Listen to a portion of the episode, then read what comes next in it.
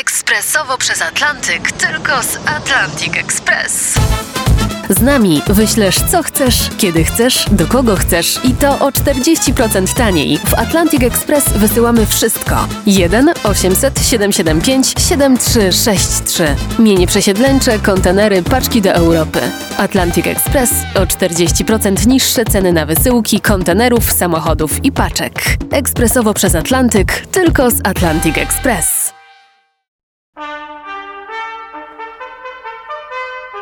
Nazywała się Evelyn Case. Była aktorką. Urodziła się w 1919 roku w Port Arthur w stanie Teksas. Swoją karierę rozpoczynała jako tak zwana chorus dancer w nocnych klubach. Na ekranie pojawiła się po raz pierwszy w 1938 roku. Jej debiutem po wielu zabiegach i staraniach był udział w filmie Korsarze. Role, które odnotowują hollywoodzcy kronikarze, to te w filmach Przybywa Mr. Jordan 1941 rok i opowieść o Jolsonie z roku 1946. Evelyn Case wsławiła się nie tyle wybitnymi kreacjami aktorskimi, choć grała między innymi w Przeminęło z wiatrem siostrę Scarlett O'Hary, ile ciekawymi, czasami wręcz fascynującymi wspomnieniami, opisami życia w legendarnej fabryce snów. Opublikowała ich wiele. Najważniejsze to Jestem Billboardem, Młodsza siostra Scarlett O'Hary czy Pomyślę o tym jutro. Evelyn Case udzielała też chętnie wywiadów, między innymi Zbigniewowi Rogowskiemu, który ja opublikował. Wszystkie te teksty są fantastycznym źródłem informacji zarówno o jej życiu prywatnym, jak i heroicznym okresie Hollywoodu. Dla młodej i pięknej, to potwierdzają wszyscy, dziewczyny, takiej jak Evelyn, nie bez znaczenia było, że zainteresowali się nią wielcy Hollywoodu. Cecil DeMille, znakomity reżyser, ale jednocześnie prawdziwy despota, podpisał wprawdzie z nią kontrakt, ale poza ogonami, jak to nazywa, niczego poważniejszego nie grała. Jej pierwszym mężem był inny znany reżyser, Charles Vidor, twórca kultowego filmu Gilda z Ritą Hayworth. Drugim mężem John Huston, jeden z największych mistrzów reżyserii. To on zrealizował takie przebojowe dzieła, które weszły na trwałe do historii kina, jak Skarb Sierra Madre, Sokół Maltański, Asfaltowa dżungla czy Królowa Afrykańska. Obaj, no niejako solidarnie, nie angażowali swej żony do filmów, które kręcili. A do aktorów mieli wspaniały stosunek, szanowali ich i, jak twierdzi Evelyn Case, starali się im iść na rękę. Wiedzieli także, czego od nich wymagać. Obaj angażowali się całkowicie i bez reszty w pracę zawodową, czyli robili swe filmy kosztem życia osobistego, kosztem wszystkiego. Nic więc dziwnego, że małżeństwa te po pewnym czasie się rozpadały.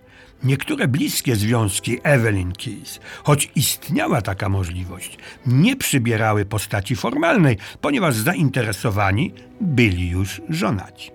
Tak było w przypadku Harry'ego Kona, założyciela i właściciela wytwórni Columbia. Evelyn cieszyła się względami i żywym zainteresowaniem także innego, jednego z największych bossów hollywoodzkich, mianowicie Samuela Goldwina, tego od Metro Goldwyn Mayer. Jej czwartym mężem był Artie Shaw, świetny klarnecista jazzowy, kierujący własną orkiestrą, rywal samego Benny Goodmana. Evelyn Keys była już jego ósmą żoną. Nikogo nie zdziwiło, że ich małżeństwo zakończyło się efektownym rozstaniem. Każdy, kto był mi bliski, mówiła Evelyn, stawał się księciem z bajki. Mój ostatni mąż, Shaw, także. miał nawet zamek w Hiszpanii. Wśród licznych, prominentnych jej wielbicieli poczesne miejsce zajmował przez trzy lata Michael Todd, producent nowej generacji. To jego nazwiskiem nazwano rewelacyjny, lansowany przez niego system szerokoekranowy Todd AO, szerokość taśmy 65 mm, a nie tradycyjnej 35 mm. Pierwszym filmem zrealizowanym w tym systemie była Oklahoma. Drugi odniósł jeszcze większy sukces. W 80 dni dookoła świata. Zagrała w nim również Evelyn Kiss. Ale Mike, jak go poufale nazywano, ożenił się w 1957 roku ze sławną, wielką i wielce skandalizującą gwiazdą Elizabeth Taylor. Dla niej przeszedł nawet na judaizm. Lecąc swoim prywatnym samolotem, który nazwał Szczęśliwa Lis, do Nowego Jorku na uroczystą kolację wydaną z okazji uzyskania przez niego tytułu showmana roku, uległ wypadkowi, w którym wszyscy zginęli piloci i pasażerowie. A Evelyn Kiss tak ich związek opisała.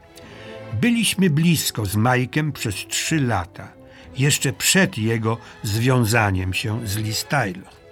Nie zagrałam w żadnym z jego filmów, nie licząc całkiem małego epizodu w obrazie w 80 dni dookoła świata. A więc nie zdyskontowałam tego związku. Za to towarzyszyłam Majkowi w zagranicznych podróżach do Paryża, Rzymu, Moskwy. Był bardzo zajętym człowiekiem, całkowicie oddanym filmowi. Wobec obowiązków, których tkwił po uszy, mogłam się nim nacieszyć tylko w podróżach, ale i wtedy rozmawialiśmy o sprawach dotyczących filmu. Taki to był los hollywoodzkich pożeraczek serc. No, przynajmniej niektórych.